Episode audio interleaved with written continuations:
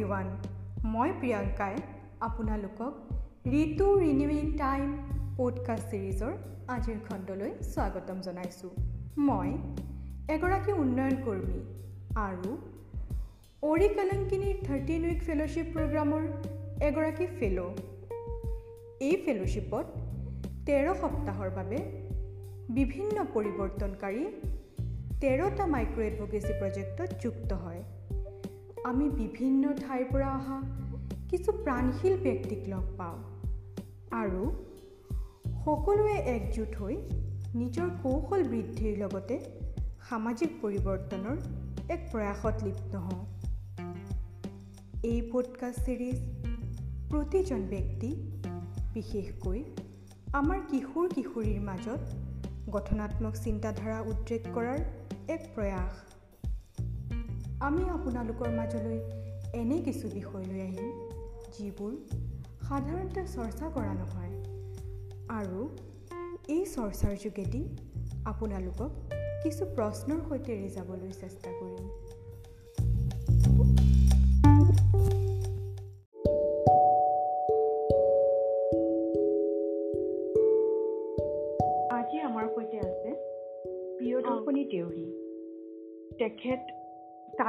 Institute of social ছায়েন্সৰ পৰা মনোবিজ্ঞানৰ স্নাতকোত্তৰ অধ্যয়ন কৰি আছে। প্ৰিয়দৰ্শনী আপোনাক আজিৰ আমাৰ খণ্ডলৈ স্বাগতম জনাইছোঁ। অঁ ধন্যবাদ।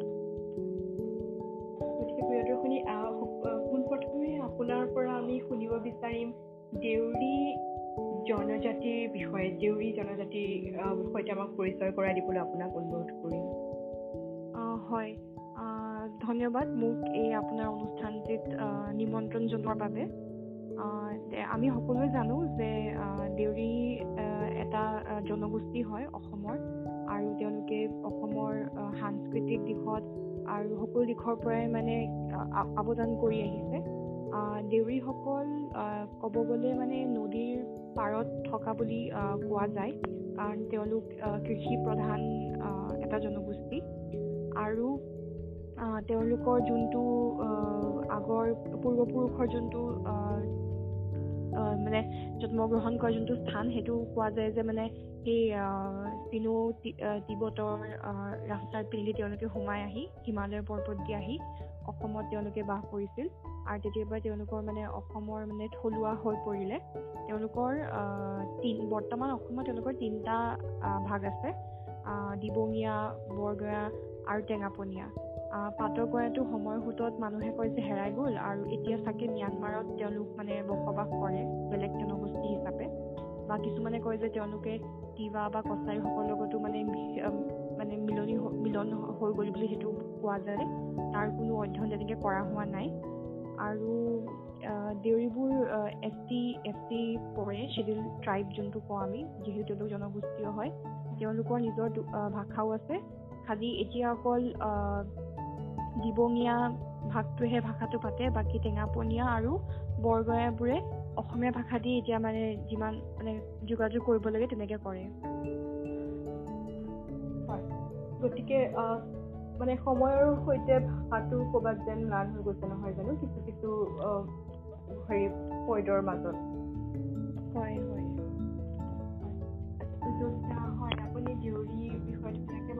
এটা দিলে যে আমি যেতিয়াই কোনো এটা জনজাতি বা জাতিৰ কথা কওঁ। আমাৰ কৃষ্টি সংস্কৃতিও ইয়াৰ এটা প্ৰধান অংগ হৈ পৰে নহয় জানো? হয়। গতিকে দেউৰীসকলৰ প্ৰধান উৎসৱ বুলি ক'লে কি বাৰু? তেওঁলোকৰ অকণমান উৎসৱ বা ৰীতি নীতিৰ বিষয়ে আমাক ক'ব পাৰিব নেকি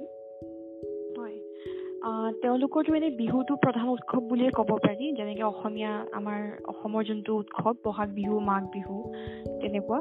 খালি তেওঁলোকৰ সেই মানে বহাগ বিহু বা মাঘ বিহুৰ বা কাতি বিহুৰ সপ্তাহটোৰ পিছত যোনটো সপ্তাহটোৰ বুধবাৰে বুধবাৰ দিনটোতহে পতা হয় প্ৰতি বিহুটো। বুধবাৰ দিনটোত পতা হয় আৰু তাৰোপৰি তেওঁলোকৰ এতিয়া ভাগ চায়ো তেওঁলোকৰ যাক যাক পূজা কৰে যেনেকৈ কুন্দি মামা তেওঁলোকৰ জনগোষ্ঠীয় যোনবোৰ দেৱ দেৱ দেৱতাক পূজা কৰে কুন্দি মামা কেঁচাই খাটি তাৰপিছত বলীয়া বাবা বা বুঢ়া বুঢ়ী তেওঁলোকৰ যেনেকুৱা বছৰেকীয়া থান পূজাও হয় কেঁচাই খাটিৰ থান পূজা হয় সেই সেইটো তেওঁলোকৰ কাৰণে এটা প্ৰধান মানে উৎসৱ বুলি ক'ব পাৰি তাত বলি বিধান কৰা হয় আৰু তেওঁলোকে জনগোষ্ঠীয় নিয়ম মতে সেইবোৰ মানে সকলো গাঁৱে একেলগে তেনেকে পাতে। আৰু সেই বিহু বিহু তেওঁলোকৰ নিজৰ দেউৰী হুঁচৰি আছে তেওঁলোকে তেনেকে বিহুৰ ভোজ ভাত একেলগে খায় সেই তেনেকুৱাই বুলি ক'ব পাৰি।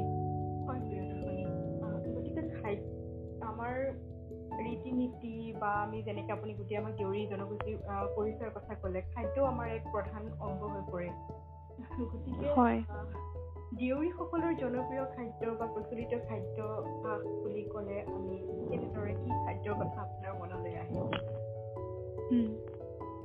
দেউৰীসকল এতিয়া ক'ব গ'লে যেনেকে অসমতো মানুহবোৰে খেতি তেনেকে কৰে তেনেকে মানুহবোৰৰ নিজৰ তেনেকে বাৰী আছে আৰু দেউৰীসকলে যিহেতু তেওঁলোক এটা জনগোষ্ঠী হয় তেওঁলোকে নদীৰ পাৰত বসবাস কৰি থাকিছে দেউৰীৰ প্ৰতিটো মানে ভাগে লাগিলে সেইটো দিবঙীয়া হওক বা বৰগয়া হওক বা টেঙাপনীয়া হওক তেওঁলোক তেওঁলোকৰ মানে ভাতটো যিহেতু আমাৰ অসমত প্ৰধান তেনেকে জনগোষ্ঠীটো মানে ভাতটো বহুত তেওঁলোকৰ মানে প্ৰধান খাদ্য বুলি ক'ব পাৰি।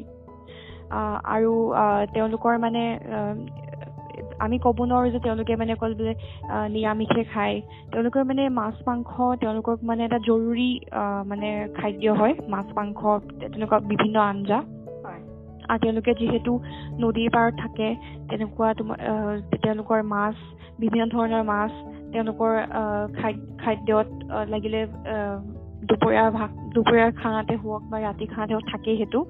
আৰু তেওঁলোকৰ গাহৰি সেইটো মানে বলি বিধান হিচাপেও দিয়া হয় পূজা আৰু বহুত ধৰণৰ উৎসৱবোৰত।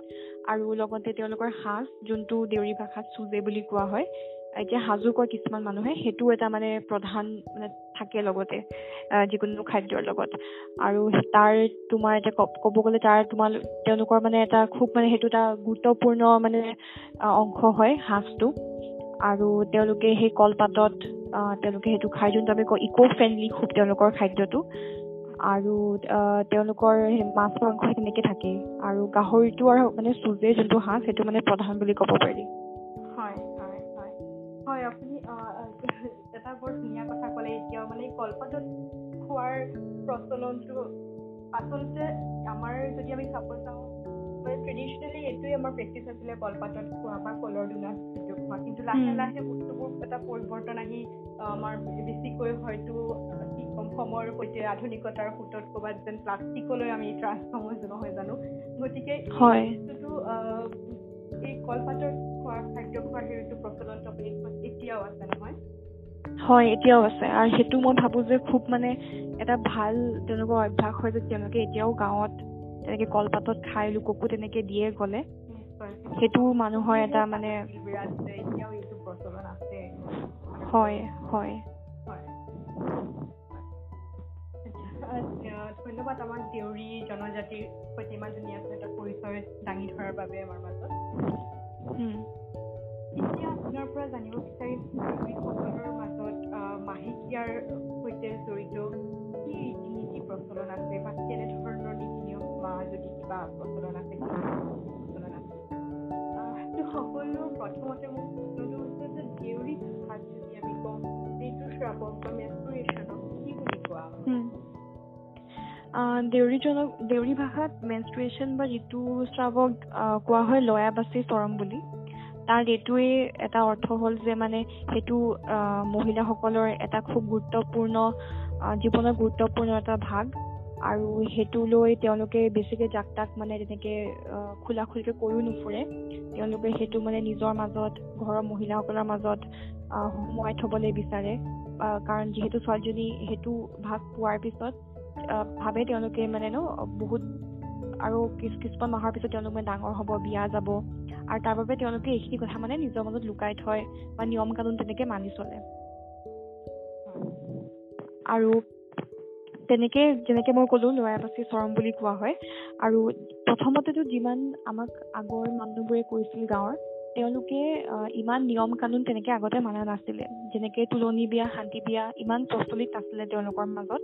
খালি এতিয়া যিহেতু আমি আগতেও কথা পাতিছিলোঁ যে সময়ৰ সোঁতত কিমানবোৰ জনগোষ্ঠী কিমানবোৰ সমাজ মানে মিশ্ৰণ হৈ গৈছে সেইকাৰণে তেওঁলোকো আজিকালি শান্তি বিয়া তুলনি বিয়া তেনেকৈ ডাঙৰকৈ পাতিব ধৰিলে। আৰু সেইটো গাঁৱতো বহুত প্ৰচলিত হৈছে এতিয়া কিছুমান ঘৰত। আৰু খালি নিয়ম কানুনটো তেওঁলোকৰ মানে অলপ আগৰ পৰাই আছিলে। যেনেকৈ মাহেকীয়া হ'লে বা প্ৰথম ঋতু শ্ৰাৱ হ'লে অলপ মানে লুকাই থাকিব লাগে ঘৰত অলপ বেলেগকৈ শুব লাগে বেছি মানুহ মাতিব নালাগে। আৰু অকল মহিলাসকল বা মাকৰ ওচৰত থাকিব লাগে সেইবোৰ নিয়ম তেওঁলোকৰ নাই বুলি ক'ব নোৱাৰিলে সেইটো আছিলে। গতিকে নিয়মবোৰৰ প্ৰচলন আগৰ পৰাই আছিলে কিন্তু সামাজিকভাৱে সেইটো উৎসৱৰ নিচিনা এক পালন কৰাৰ যিটো এক মানে ৰীতি সেইটো নতুনকৈ গঢ় লৈ উঠিছে। হয় হয় একদম সেইটোৱে। আৰু আৰু এটা কথা ইয়াতে ক'বলৈ বিচাৰোঁ যে আপোনাৰ এটা তেওঁলোকৰ দেউৰী যিবোৰ ডেকা ল'ৰাবোৰ আছে সেইটো কোৱা হয় যে অকল মানে সেইটো এটা মই পঢ়িছিলোঁ এখন পেপাৰত মই পেপাৰৰ নামটো ইয়াত ক'বলৈ বিচাৰিছোঁ। ভূষিতা শৰ্মা শৰ্মা তেওঁ অধ্যয়ন কৰিছিলে। তেওঁৰ পেপাৰখনৰ নাম হৈছে rites of passage a study of Deori community living in the Dhemaji district of Assam Bhushita শৰ্মাই তাত তেওঁলোকে তেওঁ এইটো লিখিছে যে এইটো এটা উৎসৱ নহয় এটা নীতি যাৰ নামটো হৈছে ৰাজ কাবাং আৰু দেউৰী দেউৰীসকল এইটো মেইনলি তোমাৰ পুৰুষসকলৰ বাবে হয়। আৰু ইয়াত পুৰা জনগোষ্ঠীয়ে মানে ইয়াত তোমাৰ থাকে একেলগে পালন কৰে। খালি সেইটো সময়ত যদি কোনোবা এজন মহিলা মাহেকীয়া হৈ আছে বা মাহেকীয়া তেওঁলোকৰ তেওঁ চলি আছে তেতিয়া তেওঁক মানে সেইটো উৎসৱত মানে অংশগ্ৰহণ কৰিব দিয়া নহয়। আৰু তেওঁলোকক আগতে এনেকুৱাও কৰা হৈছিল যে মানে সেইখন গাঁৱত তোমালোকে মানে যেতিয়া উৎসৱটো হয় পুৰুষৰ কাৰণেতো যে গাঁৱটোত মানে তোমালোকে নাথাকিবা বা বেলেগ এখন গাঁৱলৈ যোৱাগৈ অলপ দিনৰ কাৰণে সেই তেনেকুৱা মানে নিয়মটো আছিলে। মানে মাহেকীয়া হৈ থাকোঁতে তেওঁলোকক মানে সেই গাঁওখনত থাকিব দিয়া নাছিল য'ত উৎসৱটো হৈছিলে। সেইটো মানে ভূষিতা শৰ্মাই ডকুমেণ্ট কৰিছে তেওঁৰ অধ্যয়নত এটা বৰ গুৰুত্বপূৰ্ণ দিশ মানে তেওঁলোকে এইটো আপুনি ক'লে যে এই উৎসৱটো গোটেই গাঁৱৰ ৰাইজে মিলি পালন কৰে নহয়? হয় আৰু সেইখিনি সময়ত গাঁৱৰ যিকোনো মহিলা যদি তেওঁ মেনষ্ট্ৰুৱেশ্যন হৈ থাকে বা ঋতুস্ৰাৱ হৈ থাকে তেওঁ গাঁওখনৰ পৰা মানে গাঁৱত থাকিবলৈ দিয়া নহয়। হয় হয় ঠিক ধৰিছে। ইয়াৰ মানে যদি আমি কিবা তেওঁ আপুনি যিটো অধ্যয়নটোৰ কথা কৈছে তেওঁ কোনো ধৰণৰ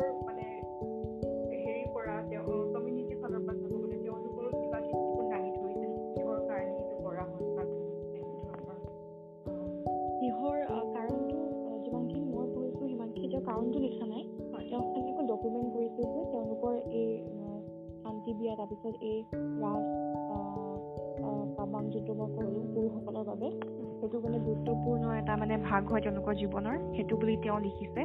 তেনেকৈ কিয় কৰা হয় বা কেনেকৈ কৰা হয় তাৰ বিষয়ে তেওঁ বেছি মানে জনোৱা নাই। হয়তো হয়তো মহিলাসকলক সেই সময়ত এগৰাকী ঋতুৱতী মহিলা সেই সময়ত ভাগ অংশগ্ৰহণ কৰিবলৈ নিদিয়া বা অংশগ্ৰহণটো বহুত দূৰৰ কথা। সেই ঠাইত বা সেই গাঁওখনতে থাকিব নিদিয়াটো। নাজানো হয়তো সেই মাহেকীয়াৰ সৈতে বা ঋতুস্ৰাৱৰ সৈতে আমাৰ যিবোৰ ধাৰণা জড়িত হৈ আছে তাৰো এক প্ৰভাৱ হ'ব পাৰে। হয় নিশ্চয় তেনেকুৱাও হ'ব পাৰে কাৰণ এতিয়া আমাৰ অকল এইটো জনগোষ্ঠী বুলি নহয় আমাৰ সমাজখন ভাৰতীয় সমাজখনত মহিলাক সদায় মানে অলপ তলৰ চকুৰে চোৱা হয় আৰু ঋতুস্ৰাৱ বুলিও ক'লে মাহেকীয়া হৈ থাকিলে বুলিও ক'লে পাকঘৰ নাযাবা বা মন্দিৰ নোসোমাবা বা এইটো সিটো বাহিৰ নাযাবা কিবা এইটো নকৰিবা এইটো নাখাবা বুলি বহুত নিয়ম কানুন মানে দাঙি ধৰে ঘৰৰ মানুহেও সমাজেও। তেনেকুৱা মানে হোৱাটো মানে আমি মানে যোনটো আমি ভাবিছোঁ যে সেইটো কাৰণে হ'ব পাৰে যে দেউ জনগোষ্ঠীটো তেনেকৈ মানে যোনটো আমি কওঁ ইম্পিয়ৰ বুলি ভাবি মানে ক'ব পাৰে যে বেলেগ এখন গাঁৱত যোৱাগৈ অলপ দিনৰ কাৰণে সেইটো হ'ব পাৰে কাৰণটো।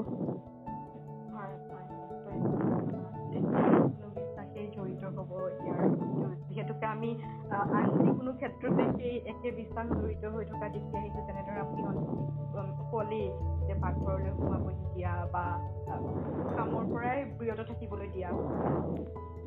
ইম্পিউৰিটি বা তেনেধৰণৰ এটা কনচেপ্টৰ কাৰণে গতিকে নিশ্চয়কৈ সেইটোৱেই হয়তো কাৰণ হ'ব। হয় হয়। যদিও বা আমি যিহেতুকে তেওঁ সেই কাৰণটো ঠিক তা- চালিটোত দাঙি ধৰা নাই আমি তইকে একো ক'ব নোৱাৰো কিন্তু যিমান দূৰ আমাৰ বাকী দিশবোৰৰ পৰা আমি যি পাইছো সেই হিচাপে আমি সেইটোৱেই হয়তো ধাৰণা কৰিব পাৰিছো নহয় জানো? সেইটো হয়। সেইটো হ'ব কাৰণ আমি ক'ব নোৱাৰো যে ইয়াৰ ধাৰণাবোৰৰ ভিতৰত বা আঁৰত কি তেওঁলোকৰ আছে। তেওঁলোকে কি ভাৱেতো বুজাবলৈ বিচাৰে। কেতিয়াবা কিছুমানটো মানে চাইণ্টিফিক যোনটো কওঁ বৈজ্ঞানিক কাৰণো আহি যাব পাৰে। আৰু সেইবোৰ সংমিশ্ৰণ হ'ব পাৰে আৰু পুৰণীয়া কিছুমান নীতি নিয়ম তেনেকে।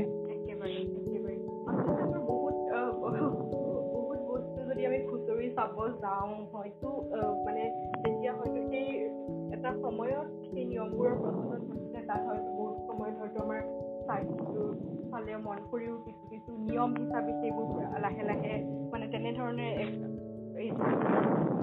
যিটো নাপায় বা তেনেধৰণৰ কিন্তু হয়তো বহুত যেতিয়া আমাৰ যিসকল আমাৰ পূৰ্বপুৰুষসকলে হয়তো এইবোৰৰ যেতিয়া মানে প্ৰথম তেওঁলোকে আৰম্ভ কৰিছিলে হয়তো তেওঁলোকে। বেলেগ কিছু কথা মনত ৰাখিও বা তেনেধৰণৰ কিছু কাৰণবশতও কিছু কিছু আৰম্ভণি কৰিছিলে যিবোৰ সময়ৰ সৈতে সংমিশ্ৰণ হৈ এক অন্য বিকৃত ৰূপো কিছু সময়ত লোৱা দেখা যায়। হয় হয়। আপুনি ক'লে যে মানে আপুনি অলৰেডি অকণ আগত মেনশ্যন কৰিছিলে মাহেকীয়া যিটো আপোনাৰ চেলিব্ৰেশ্যনৰ কথা যদি কওঁ আমি তুলনি বিয়া পতাৰ কথা যদি কওঁ। এতিয়া হৈ আহিছে। কিন্তু নিয়মবোৰ আগৰ পৰা আছিলে নহয়? হয় নিয়ম অ। হয় নিয়মবোৰত যদি আমি ক'ব যাওঁ মানে প্ৰথম ঋতুস্ৰাৱ যেতিয়া হয় আপোনাৰ সেই সময়ত কেনেধৰণৰ নিয়ম ঠিক প্ৰচলন আছিলে মানে বা এতিয়াও কেনেধৰণৰ নিয়মৰ প্ৰচলন আছে প্ৰথম ঋতুস্ৰাৱত? এই তেনেকে মানে ক'ব গ'লে যেনেকে ভাৰতীয় ভাৰতীয় বা যোনটো আমাৰ অসমীয়া যোনটো কালচাৰ আছে বুলি যোনটো কওঁ বা লাগিলে ট্ৰাইবেল হওক বা নন ট্ৰাইবেল কমিউনিটি হওক তাত মানে সেই প্ৰথম ঋতুস্ৰাৱ হওঁতে যোনটো আমি ইংৰাজীত কওঁ ডেলিবেৰেট চেক্ৰুশ্যন যোনটো মানে জানি বুজি ঘৰ ঘৰৰ মানুহবোৰে ঘৰৰ মানুহবোৰে কয় যে হেল্ল' শুনিছা? অঁ কোনটো কয় যে ডেলিবাৰেট মানে হেৰি হয় বুলি কয় চেক্ৰেশ্যন বুলি কয় সেইটো ঘৰৰ মানুহবোৰে নিজে মানে কয় যে ছোৱালীজনী মানে সেইটো সময়ত ঋতুস্ৰাৱ হৈছে তেওঁ ওলাই যাব নালাগে। তেনেকে মানে দেউৰী জনগোষ্ঠীটো সেইটো আছে যে অকল মানে মাক থাকিব বায়েক ভনীয়েক মাহীয়েক লগত থাকিব সেই তেনেকে আছে। আৰু মানে ঘৰৰ যোনটো পুৰুষ পুৰুষ পুৰুষে মানে বেছি লগ কৰিব নোৱাৰে ছোৱালীজনীক প্ৰথম ঋতুস্ৰাৱ হওঁতে। কমচে কম তিনি বা চাৰি দিনৰ বাবে।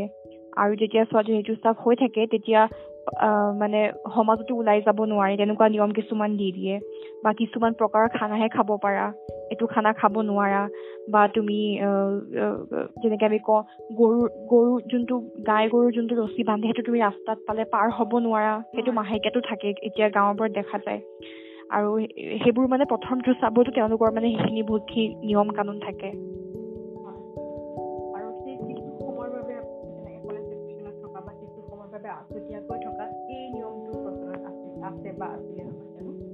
হয়। হয়।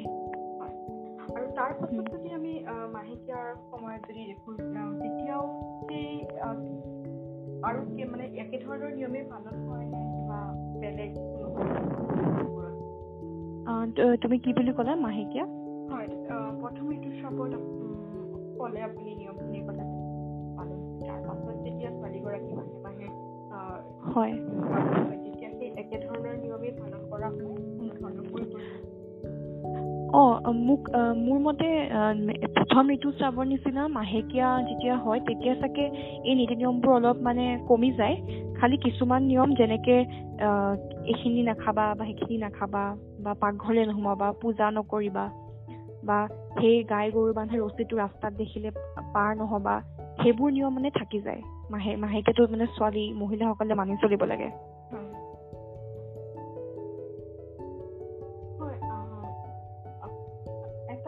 কথা জানিব বিচাৰিম আপোনাৰ পৰা। এই সময়ৰ সৈতে যে ৰীতি নীতি বা নীতি এক পৰিৱৰ্তন হৈছে।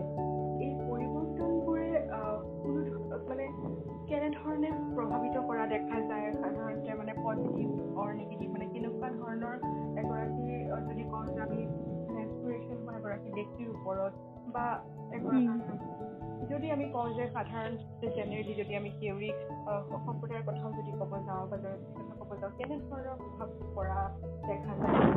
আপুনি আপোনাৰ ধাৰণাৰ পৰাও যদি কথাটো আমাৰ লগত অঁ তাৰ বিষয়ে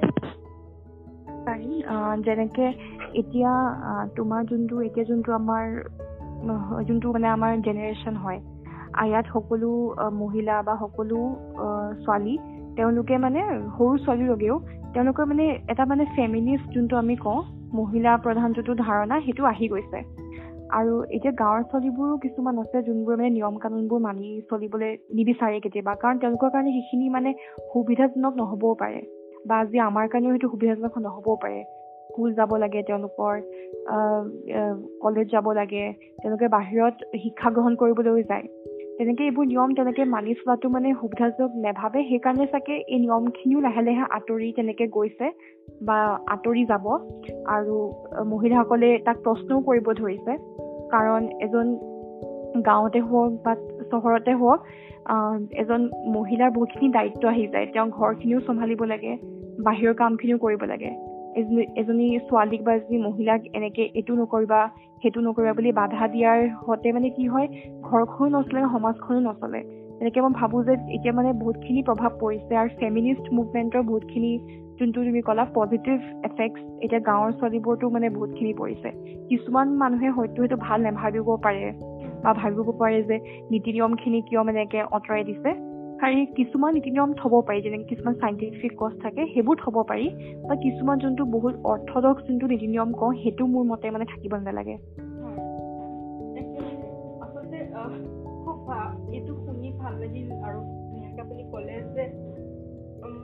প্ৰশ্ন কৰিব লাগিব যে প্ৰশ্নবোৰ খুব দৰকাৰী নহয় জানো? আমি যিকোনো বস্তু চবেই কৰি আছে বুলি সেই জোঁটৰ সৈতে মানি যোৱাতকৈ আমি যদি নিজে সেই বস্তু জানি প্ৰশ্নবোৰ কেতিয়াও মানে তাক আমি হয়তো একেবাৰে আপুনি ক'লে অলৰেডি যে মানুহে হয়তো বহুতে এনেকেও ভাবিব পাৰে যে কেলে প্ৰশ্ন কৰিছে।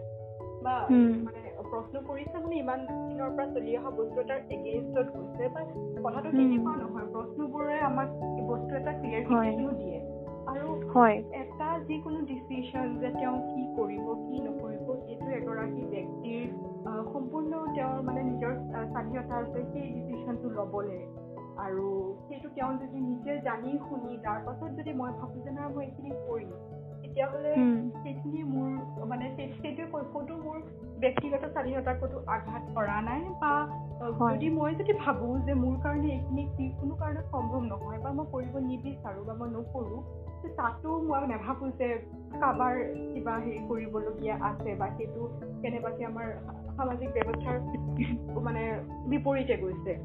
কাৰণ এই বস্তুবোৰ আমি বহুত চাবও লাগিব। কাৰণ কাৰোবাৰ আমাৰ যি মানে দৈনিক গতি বা আমাৰ কাম সেইখিনিকো বহুত ধৰণে বাধা সৃষ্টি কৰাও দেখা যায়। হয় হয়। হয় আপুনি ঠিক ধৰিছে। আৰু ইয়াতে মই আৰু এটা কথা ক'বলৈ বিচাৰোঁ যে যেতিয়া আমি নতুন জেনেৰেশ্যনৰ যোন যোনবোৰ পুৰুষ বা মহিলা সেইটো প্ৰশ্ন কৰাৰ লগতে আমাৰ এটা দায়িত্ব আহি যায় যে আমি তেওঁলোকক বুজাওঁ যে আমি কিয় নিয়মটো ভাল পোৱা নাই বা কিয় নিয়মটো ভাল পাইছোঁ। সেইটো এটা মানে যোনটো দুই পিনৰ পৰা আগৰ জেনেৰেশ্যনৰ পৰা নতুন জেনেৰেশ্যনৰ পৰা এটা মানে ডিছকাশ্যন যোনটো কওঁ আমি সেইটো আলোচনা হ'ব লাগে। আৰু আলোচনাটো খুব পজিটিভ তেনেকৈ হ'ব লাগে। ইটো সিটোক মানে ক্ৰিটিচাইজ কৰা নহয়। আৰু অকল প্ৰশ্ন কৰাই নহয় মানে বুজোৱাও হ'ব লাগে যে নিয়মটো তেওঁলোকে কিয় থ'বলৈ বিচাৰিছে। কাৰণবোৰ কি? আমি সেইবোৰ জানিব লাগিব তেনেকৈ আপুনি ক'লে। আৰু আমি কিয় সেইটো অসুবিধা ভাবোঁ নিয়মবোৰ? আমাৰ কাৰণে ভালতকৈ বেছি বেয়া কিয় কৰিছে সেইটো আমি খোলা খুলিকৈ তেওঁলোকক ক'বলৈ পাৰিব লাগিব। আৰু তাৰ কাৰণে সেই আলোচনাটো মানে খুব এটা ভাল মাধ্যমত ধুনীয়াকৈ মানে হৈ যাব লাগিব বুলি মই ভাবোঁ। একেবাৰে বিৰাট গুৰুত্বপূৰ্ণ কথা ক'লে আৰু মানে মই আশা কৰোঁ যে যিসকলে শুনি আছে তেওঁলোকেও এই কথাটোলৈ চিন্তা চৰ্চা কৰক যে আলোচনাবোৰ প্ৰশ্ন কৰা মানেও বিপৰীতে যোৱা নহয় বা প্ৰশ্ন কৰিছোঁ বা মোৰ মনত এনেধৰণৰ মই আপুনি ভবাৰ মতে হয়তো মই ভবা নাই। কিন্তু তাৰ মানে এইটো নহয় যে আমি সদায় এক ধৰণৰ মানে বিতৰ্কত আহিব লাগিব। আমি হয়তো ইজনে সিজনক নিজৰ ধাৰণাটো বুজাই এটা কমন গ্ৰাউণ্ডত আহিব পাৰোঁ। হয়। আৰু আপুনি যিহেতুকে তুলনি বিয়া পতাৰ প্ৰচলন যিটো হৈছে সেই বিষয়ে আপোনাৰ কোনো ধৰণৰ মতামত আছে কেনেধৰণৰ এই মানে এই প্ৰচলনে কি ধৰণে প্ৰভাৱ পেলাইছে? মই যদি নিজৰ জনগোষ্ঠীগত যোনটো মোৰ আছে সেইটো এক্সপিৰিয়েঞ্চ ক'বলৈ গ'লে তেনেকৈ দেউৰী জনগোষ্ঠীত মানে তেনেকৈ পতা নহৈছিল আগতে তুলনি বিয়া বা শান্তি বিয়াটো। কাৰণ মোৰো তেনেকুৱা জীৱনত তেনেকুৱা ময়ো পাৰ কৰি আহিছোঁ তেনেকৈ মানে মোক কৈছিল গাঁৱৰ মানুহবোৰে মোৰ ঘৰৰ মানুহবোৰে যে তেনেকৈ পাতিব তেনেকৈ ধুমধামকৈ তেনেকৈ পাতা নহয় যদিও নিয়ম চিয়ম কৰোৱা হয় সৰু সুৰাকৈ ঘৰৰ ভিতৰতে। খালি আজিকালি মানে সেইটো দেখা গৈছে যিটো ডাঙৰ বৰ বিয়া হিচাপে সেইটো মানে অসমীয়া সমাজত পতা হয়। আৰু তেনেকৈ দেউৰী জনগোষ্ঠীৰ মানুহবোৰেও লাহে লাহে পাতিব ধৰিছে সেইটো আমি এটা অবজাৰ্ভেশ্যনেল লাৰ্ণিং বুলিও ক'ব পাৰোঁ যে দেখি দেখি পাতিছে বা তেওঁলোকক কিবা এটা ভাল লাগিছে। বা কেতিয়াবা মহিলাসকলে বিচাৰে যে তেওঁলোকে কিবা এটা যোনটো আমি কওঁ ৰেকগনিশ্যন পোৱক বা তেনেকুৱা। আৰু কিছুমানে সেইটো ভাল লাগিবও পাৰে কিছুমান সেইটো বেয়াও লাগিব পাৰে। সেইটো বাৰু মই ক'বলৈ নিবিচাৰোঁ তেনেকুৱা সেইটো ব্যক্তিত্ব যোনটো অপিনিয়ন হ'ব পাৰে তাত। মোৰ মতে মই কেতিয়াও মানে মই নিজৰ পাৰ্চনেল এক্সপিৰিয়েঞ্চ দি মই সেই তুলনি বিয়া বা শান্তি বিয়াত ডাঙৰকৈ পতাটো তেনেকৈ মই সেইটো মানে ইমান গুৰুত্বপূৰ্ণ বুলি নাভাবোঁ। কাৰণ সেইটো এটা লাইফ ষ্টেজ হয় আৰু সেইটো নৰ্মেল এটা মানে লাইফ ষ্টেজ হিচাপে লৈ যাব লাগে। বেছি সেইটোক যদি কিবা এটা বস্তু বেছি সজাই পৰাই দিওঁ তেতিয়া মানুহবোৰে সেইটোলৈ বেছি নীতি নিয়ম মানে ৰাখি দিয়ে। আমি সেইটো এটা এটা পাৰ্ট অফ লাইফ হিচাপে তেনেকৈ লৈ যাব লাগে বুলি মই ভাবোঁ। নিশ্চয়কৈ মানে আমাৰ সকলোৰে মানে নিজৰ মতামত থাকিব পাৰে বা এইটো সম্পূৰ্ণৰূপে নিৰ্ভৰ কৰে যে এজন ব্যক্তি হিচাপে মই কি বিচাৰোঁ আৰু সেইটো গুৰুত্ব দিয়া উচিত। যে মই বিচাৰিছোঁ নে নাই বা হয় সামাজিক অনুষ্ঠান হিচাপে আমি পাতোঁ হেৰি কৰোঁ কিন্তু যাৰ কাৰণে গোটেইখিনি কৰি থকা হৈছে তেওঁৰ মতামতটো সম্পূৰ্ণৰূপে গুৰুত্বপূৰ্ণ। হয়।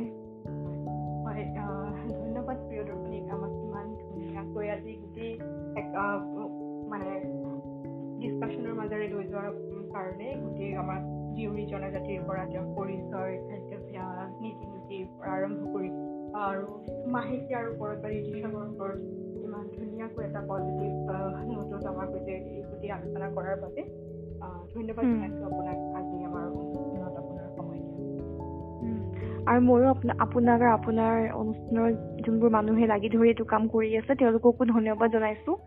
মোক ইয়াত ক'বলৈ দিয়াৰ কাৰণে। আৰু মোৰ নিজৰ যোনবোৰ কথা সেইখিনিও খুলি খালি ক'ব দিয়াৰ কাৰণে আপোনাকো ধন্যবাদ জনাইছোঁ